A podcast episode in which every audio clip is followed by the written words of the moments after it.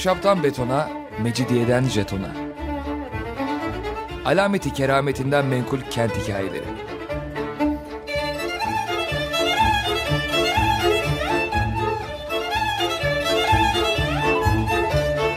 Hazırlayan ve sunan Pınar Erkan.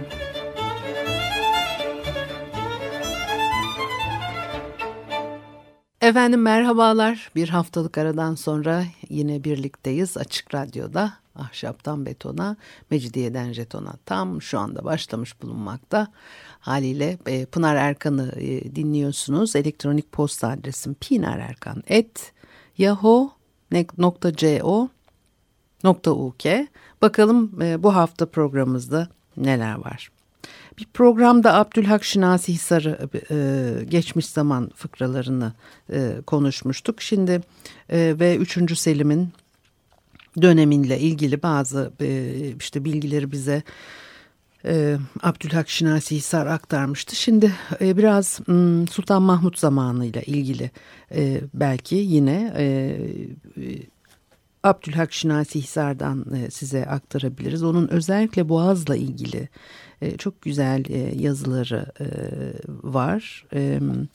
Bu kitapta da yine özellikle devlet adamlarının dönemlerine ilişkin bilinen bazı rivayetleri, bilgileri e, bize e, aktarıyor. Şimdi tabii bir de o dönemin 19. yüzyılın sonlarında ve 20. yüzyılın ortalarına kadar yaşadı ve zaman içerisinde tabii çok şey değişiyor. Bakış açısı, her şey, e, tutumlar, o bilgiler elde edilen, ortaya çıkartılan veya e, mevcut bilgilerin değerlendiriliş biçimleri elbette çok farklılaşıyor zaman içerisinde. E, Sultan Mahmud'un Fransız Analığı rivayeti diye bir küçük metni var mesela. Osmanlı Hanedanı'nın bir Fransız ailesiyle karabeti bulunduğu şayası Sultan Mahmut zamanından daha eskidir. Cumhuriyetten sonra Ankara'daki Fransız elçisi kitabında e, Fransız Hariciye Nazırı'na e, e, bunun gülünç bir hikaye olduğunu e, söyler. Hariciye Nazırı da bunun esası olmasına imkan bulunmadığı halde siz bizim işimize uyan ve yarayan bu masalın devam etmesine gayret ediniz. Çünkü bu menfaatimize muvafık olur e, dediğini e, kaydediyor. E, padişahın Fransız bir padişahın Fransız bir kadının akrabası bulunduğu şayası vardır. Lamartine bir şehzadenin annesini met, met ediyor. O kadının Avrupa medeniyetinin bütün hasletlerine sahip olduğunu ve oğlunun dünyadaki en mühim tahtlardan birini işgal etmeye layık olmasını istediğini yazıyor. Fakat mevzu bahis edilen bu e, kadın kendisinin zannettiği gibi 3. Selim'in değil 2. Mahmud'un annesidir. Bir de o kadın şehzadenin annesi değil bir analığı olacaktır. Halbuki sarayın kuyudatında şehzadelerden birinin bir Fransız analığı da e, kayıtlı değildir. Hanedanın bir Fransız kadını ile akrabalığı ancak bir efsane olarak kalıyor e, diyor. Yine sonra da devam etmiş Sultan Mahmud'un annesi Fransız değildi. Bu mevzu üzerinde nice zamanlardan beridir Fransızca ve hatta başka dillerde de bir hayli makaleler, kitaplar neşrolunmuştur.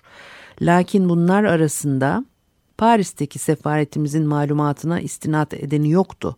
Sultan Hamit zamanında uzun müddet Paris'te elçimiz bulunan Salih Münir Paşa bana hikaye etmişti ki bir Fransız ailesi erkanı kendilerinin Sultan Mahmud'la bir akrabalıklarından, saraydan kendilerine vaktiyle gönderilmiş hediyelerden bahsederler ancak kendisi bunlara pek inanmazmış. Bu ısrar ve davet üzerine bir gün onların evlerine gidip Sultan Mahmut zamanından kalma resimler, yaldızlı yuvarlak çerçeveler, saraydan çıkma İstanbul eşyalarını görünce bunların hakikatine inanmak lazım geldiğini anlamış. Salih Münir Paşa'nın şehadeti kıymetli olacaktı. Sultan Hamit o kadar ve hamdı ki kendi zamanında bir şey söylenemeyecekti. Fakat sonraları Salih Münir Paşa hangi kanaate varmıştı? Kendi ailesi erkanına bu hatıralarını naklederken acaba ne söylerdi? O Fransız ailesinin ismi ne ve bu akrabalık rivayeti neydi? İşte bunlar hep muamma bilmiyoruz değil mi? Bugün de hiç ne olduğu konusunda bir fikrimiz yok. E, Lamartine İstanbul'a ilk e, gelişinde Sultan Mahmud'un cuma namazına gitmek için e, saltanat kayığının Beylerbeyi Sarayı önünden Rumeli sahiline bir ok gibi geçtiğini görünce adeta gözleri kamaşmış. At ve arabayla görülen herhangi bir saltanat bu altın yaldızlı kayığın şarklı ihtişamına nasıl yaklaşabilir diyor. E, kayık 24 hamlacının aynı zamanda sulara daldırıp aynı zamanda sulardan çektikleri uzun küreklerle geniş bir e, kanadın açılışına benziyor ve her defasında suları kaplayan beyaz köpükler arasında yüzer gibi ve uçan altın bir kartal gibi görülüyor. Kayığın arka tarafındaki küçük köşkün açık perdeleri önünde ipekten, altından ve tüylerden mürekkep bir taht önünde padişah oturuyor. Ayakları hizasında paşaları ve amiralleri görünüyor diyor. İşte o zamana kadar küçülmüş, bozulmuş Osmanlı İmparatorluğu'nun 1833'te Lamartine önünden geçen bir haşmetli saltanat kayığı gibi göründüğü anlaşılıyor e, diye e, ifade ediyor. E, Sultan Mahmud'un bazı geceler daha eski zaman e, padişahlarının adetlerine uyarak tebdil gezintileri yaptığı olurmuş. Binbir Gece masallarında Halife Harun Reşid'in e, yanında sadrazamıyla e, birlikte dolaştıkları zamanlar gibi o da Müsahip Said Efendi ile beraber gezintiler yaparmış. Başkalarına e, padişah olduğunu duyurmaz. Şehrin mahrem noktalarına kadar açık saçık saatlerin geceliğini görmek istermiş. Bazen de azizlik eder, musahibinin eline keseler dolusu altınlar verir Sonra bunları başkalarına dağıttırırmış. Onun kızmasına ve söylenmesine gülermiş. Fakat yazık ki bu tebdil gecelerinin kıymetli birer vaka nüvisi bulunmadığı için bütün bu hatıralar ancak çocukluklar ve e, iptidai tuhaflıklar gibi e, hatırlanıyor. Sultan Mahmut e, kelimeleri doğru telaffuz ettiği halde her nedense telaş yerine talaş der ve bu da etrafındakilerin dikkatini çekermiş. Bir gün Musahip Said Efendi, dün bende hanede bulunan talaşlar tutuşu vardı. Biz de hayli telaş ettik diye bu kelimeleri tekrar edince Sultan Mahmut onun maksadını anlamış ve peki artık anladım ne telaş et ne de talaştan bahset demiş. Ee, çocukluğumuzda bütün eski Boğaziçi yalılarının her biri ayrı bir zamanın halaveti ve şaşası içinde göründüğünü duyar, her masalına inanırdık. Kayalar mezarlığının önünden geçer geçmez deniz kenarındaki yol üstünde değil, küçük bir yokuşta yükselen bir tepe üstündeki uzun ve siyah yalı, önündeki bu küçük yol, sağdaki çeşme, onun üstündeki kitabe, onların arka tarafında bir mağaraya benzeyen boş bir yer, vaktiyle eski zamanlarda basılmış bir gravürde görüldüğü gibi daha gösterişliydi. Güya Sultan Mahmut bu yalıyı ilk görüşünde o kadar beğenmiş ki yalı sahibinin dostu bulunan Müsahip Said Efendi Sultan Mahmut yalıyı müsaade etmesin diye onun büyük bir kusuru olduğunu ve alt katında büyük birçok yılanlar bulunduğunu söylemiş. Bunun içindir ki ona yılanlı yalı denmiş. Çocuklukta ilk duyduklarımıza inandığımız şeylere itikadimiz geçtikten sonra ne Sultan Mahmud'un yalıyı kıskandığına ne de yalının yılanları bulunduğuna inanmıyorum. Fakat gariptir ki bütün bu eski zaman yalılarının rivayetlerini hala birer masal gibi duymak istiyorum. Abdülhak Hamit'in büyük babası e, Abdülhak Hamit e, Tarhan'dan bahsediyor. Hekimbaşı Abdülhak Molla'nın Çamlıca'daki köşkü pek meşhurmuş harikulade e, nezaretiyle tanınırmış. Sultan Mahmut zamanında e, halk fevç fevç onun etrafında gezinmeye gelirmiş. Abdülhak Hamit çocukluğunda ailesinden bir e, efsane e, duyuyor. Bir gün Sultan Mahmut Çamlıca Tepesi'nin en yüksek noktasında kendisi için bir köşk e, yaptırmak istemiş. Abdülhak Molla hemen hemen kutsi telakki ettiği bu yerin halk e, gezintilerine kapanmış olacağından müteessir olmuş ve bu tepenin bir nevi e, tabii muhafızlığına karar vererek padişahın bu tepede bir köşk inşa edilmesinde bir mahsur var. Zira burada büyük bir evliya metfundur. Yerini tayin edemiyoruz. Bina onun üstüne tesadüf ederse pek günah olur diye e, kendisini bu fikrinden vazgeçirmiş. Neler neler. Peki bir e, müzik arası verelim ve ondan sonra devam edelim.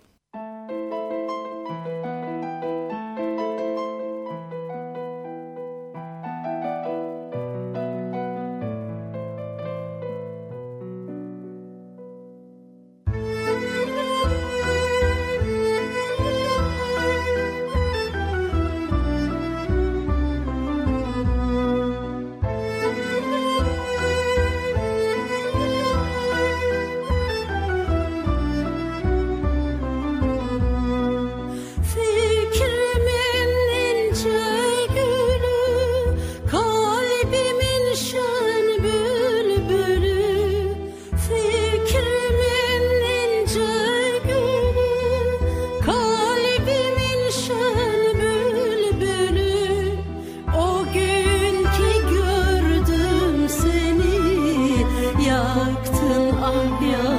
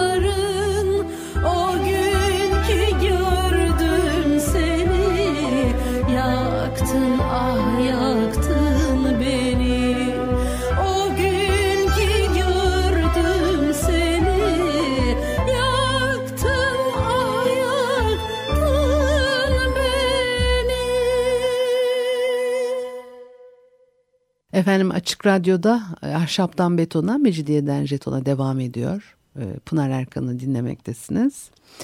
E, şimdi Sultan Mahmut dönemiyle ilgili bir şeyler.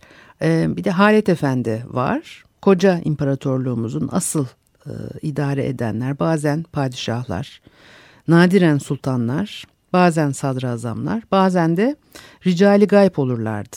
Son derece hazin ve elimdir ki Osmanlı İmparatorluğu Halet Efendi'nin devlet işlerinde en üstün bir nüfuza malik bulunduğu birkaç senede bu türedinin eline düşmüş demekti.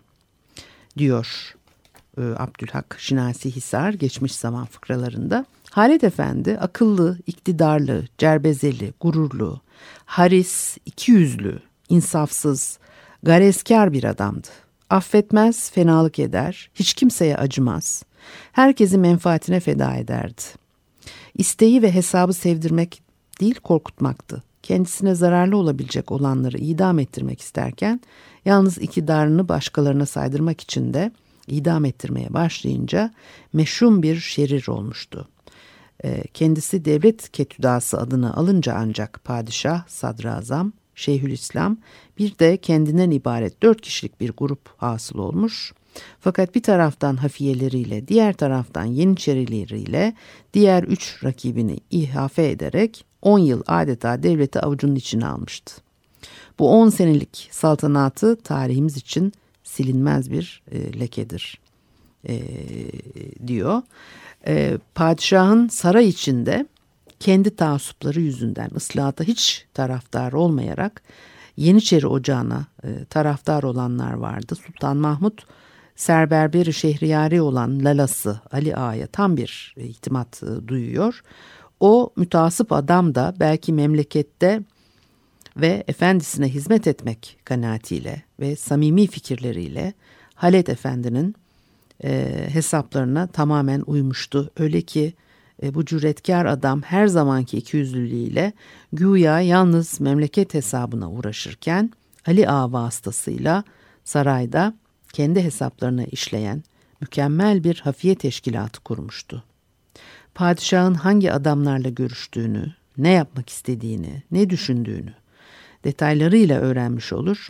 Zira Sultan Mahmud'un gece gündüz yanında bulunan Berber Ali Ağa kendisine gündelik mektuplar yazar ve yollardı. Gelenlerle daima kendisinin talimatına göre konuşur ve padişah bazen de bir entrika yapıldığından kuşkulanır. Halet Efendi de derhal bu fesada karşı güya bir tedbir almış olurdu. Nihayet ele geçirilmiş olan bu gizli tezkereler tarihi Cevdet'in 11 ve 12. ciltlerindeki sualli cevaplı mektuplar tarihimizin yeni tabirle en enteresan ve en okunmaya değer vesikalar arasındadır diyor. Tabi Cevdet tarihi e, önemli 19. yüzyılın önemli e, devlet adamlarından bir tanesi de e, Cevdet Bey. O hem devlet adamıydı hem hukukçuydu hem tarihçiydi ve 19. yüzyılda işte kullandığımız kıymetli kaynaklardan bir tanesi de bu Cevdet e, tarihi. Sultan Mahmud'un yanında meşhur bir Musahibi Hazreti Şehriyari Hayali Said Efendi vardı. Bu Sultan Mahmud devri imparatorluğun dağdağlı ve çok dertli bir zamanıydı. Müsahip Said Efendi kibirli, alıngan olmayan, e, pek mütehammil, tuhaf ve nükteli bir adammış. Bu sıkıntılı günlerde vazifesi mümkünse padişahı güldürmek. Bazı geceler belki de Sultan Mahmud'un huzurunda hayal oynatıyormuş. Başkalarının bahsetmekten çekindikleri bütün meseleler ona havale edilirmiş.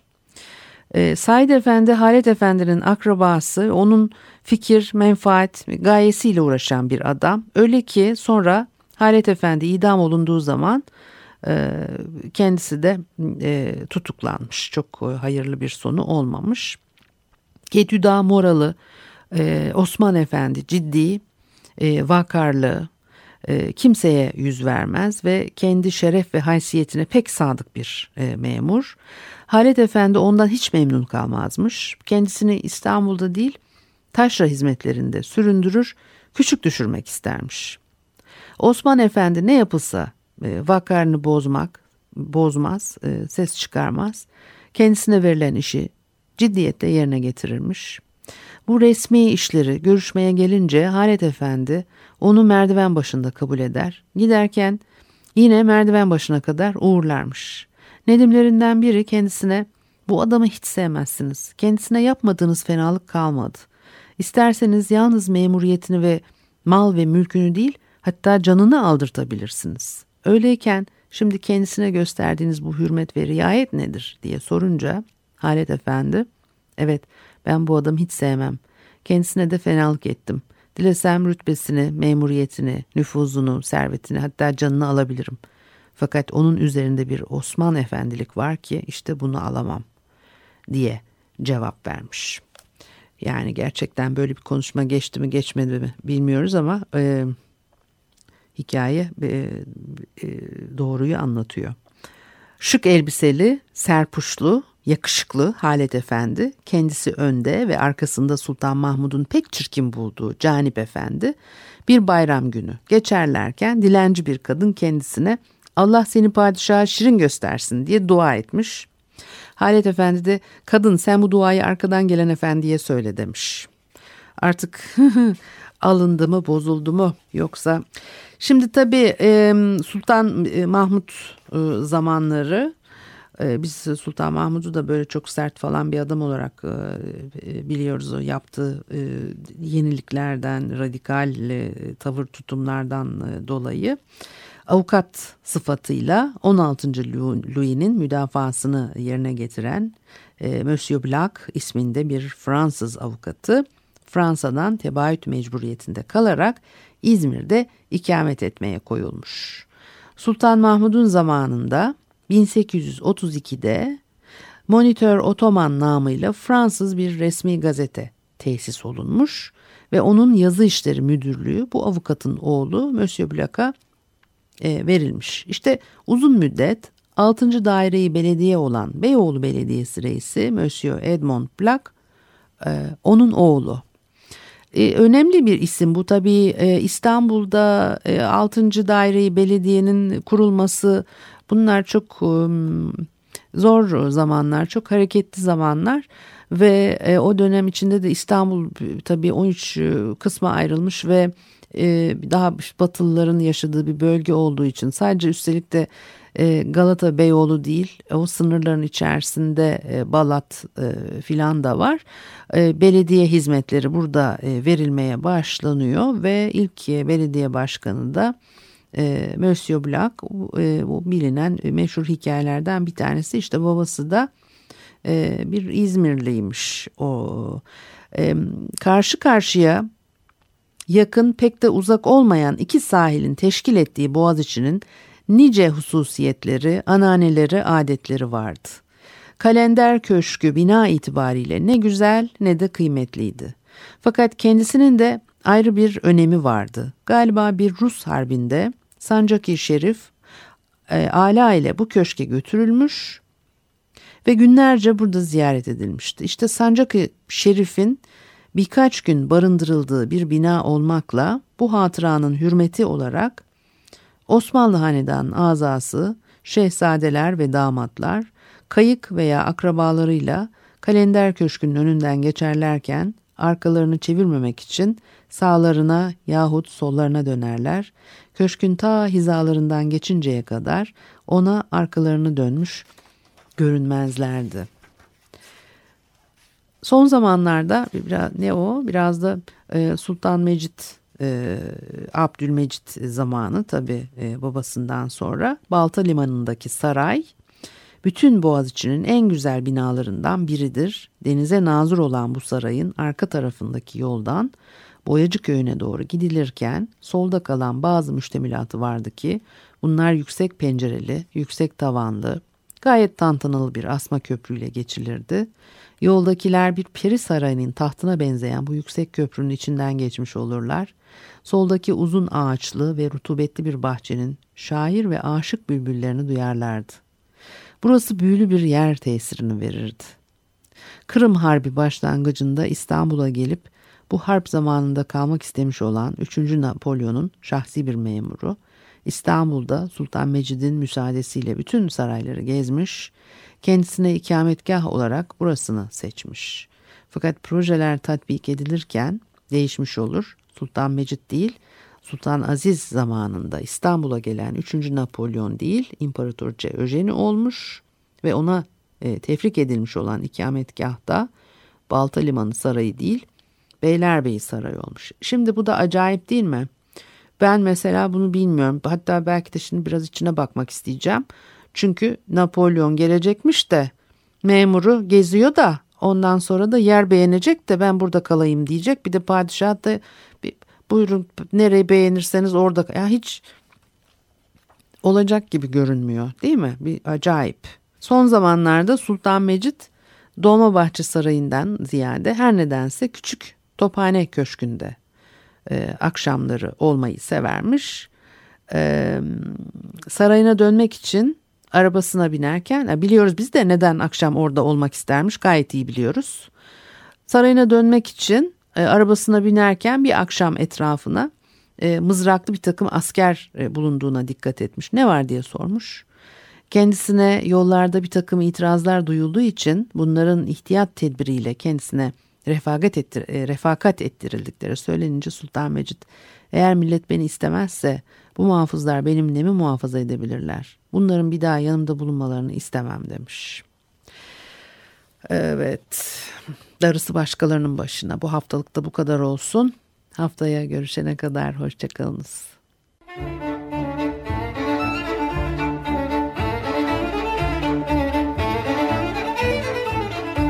Ahşaptan betona, mecidiyeden jetona. Alameti kerametinden menkul kent hikayeleri.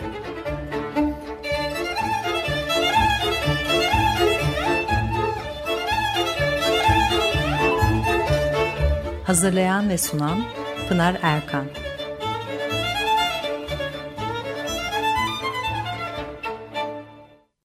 Açık Radyo program destekçisi olun.